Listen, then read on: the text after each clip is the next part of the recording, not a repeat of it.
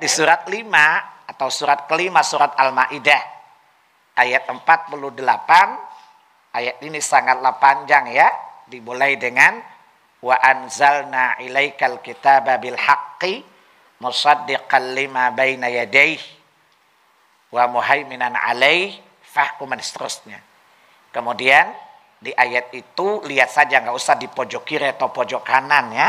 Lihat lurus ke bawah saja lihat ke bawah lurus saja. Nggak usah pojok kiri pojok kanan. Kayak main bola aja lo antum. Ya tendangan pojok kiri pojok kanan ya. Antum bukan pemain bola kan? Dan malam ini kita sedang tidak main bola kan? Akan lihat ke bawah saja lurus tanpa perlu pojok-pojokan.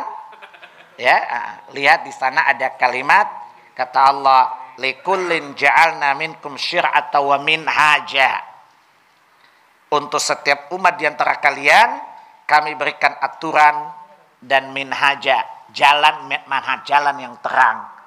Berarti maknanya sama dengan tariqah.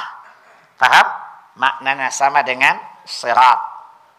Paham ya? Kemudian definisi salaf menurut bahasa. Salaf itu ya artinya yang telah lalu. Jadi sesuatu yang yang lalu itu biasa disebut dengan salaf. Dalam Al-Quran kita dapati kata salaf itu menunjukkan sesuatu yang telah lalu. Secara bahasa ya, misalnya antum lihat, kalau saya sebutkan banyak ayat, nanti antum malah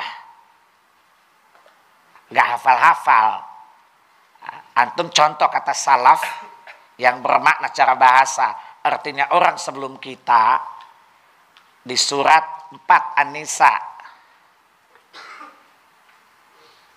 ayat 22 juga ayat 23. Wala tunkihu ma nakaha aba'ukum minan nisa'i illa ma qad salaf. Jadi awal sababun nuzul ayat itu orang-orang Yahudi dulu, eh, orang-orang Quraisy, orang-orang uh, uh, musyrik dulu itu kalau ayah punya bini meninggal, ayahnya meninggal punya bini-bini itu jadi warisan.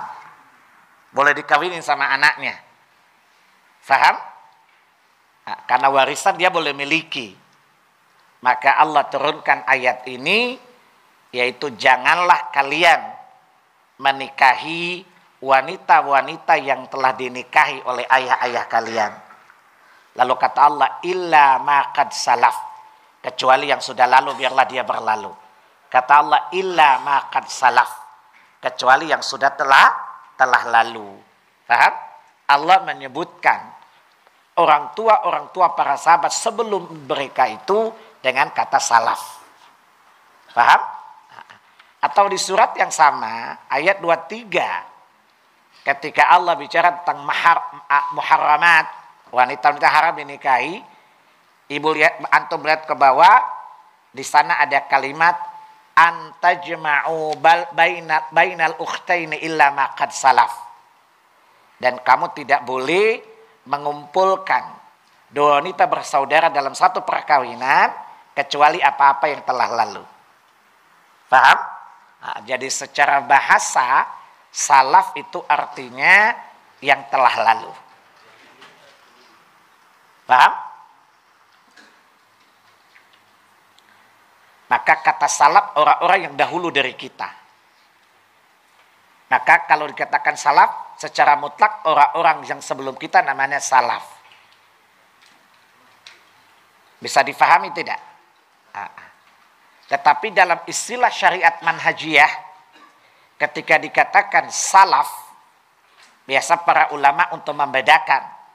Karena orang sebelum kita ada yang direkomendasikan oleh Allah, ada pula yang tidak direkomendasikan oleh Allah. Paham? Maka orang-orang yang layak untuk diikuti jejaknya, maka para ulama mensifati mereka dengan salafus salih. Orang-orang dahulu yang saleh Paham? Dan dalam hadis Nabi, seluruh ulama sepakat. Salafus salih itu hanya terfokus kepada tiga generasi saja.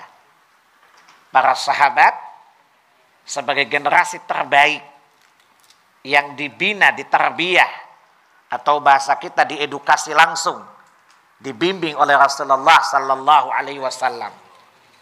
Mereka ini alumni pertama dari umat ini. Faham? Mereka tumbuh dan besar di madrasah nubuwah. Di madrasah kenabian. Karena guru mereka adalah Nabi Sallallahu Alaihi Wasallam. Paham? Kemudian generasi pertama melahirkan generasi berkualitas yang kedua. Yang dalam bahasa syariat disebut tabi'in. Paham? Karena tabi'in artinya orang yang mengikuti. Yaitu mengikuti generasi salafnya. Yaitu para sahabat tadi. Paham? Kemudian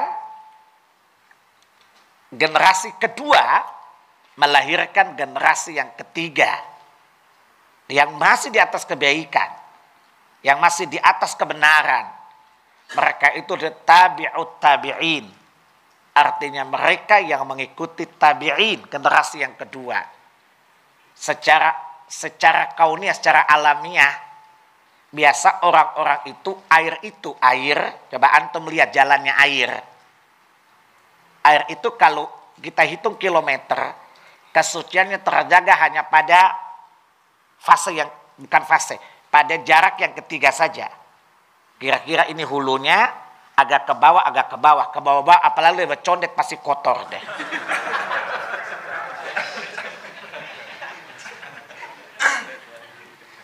Paham maksud ilustrasinya? Paham? Cara kaunya air. Betul? Air itu kalau mengalir dari hulu tuh bersih itu biasa di mana? Biasa Anda dapatkan air murni itu di Katulampa. Betul? Begitu mulai masuk sampai ke Jakarta, lewat Ciliwung, lewat Condet, ngaco tuh.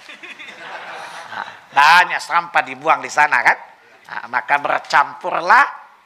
tetapi karena air itu yang sehari diminum, dikonsumsi, sehingga yang racun pun dianggap air suci. Air layak minum. Sehingga kita tawarkan itu air beracun, jangan suka salah-salahin orang. Gitu. Paham?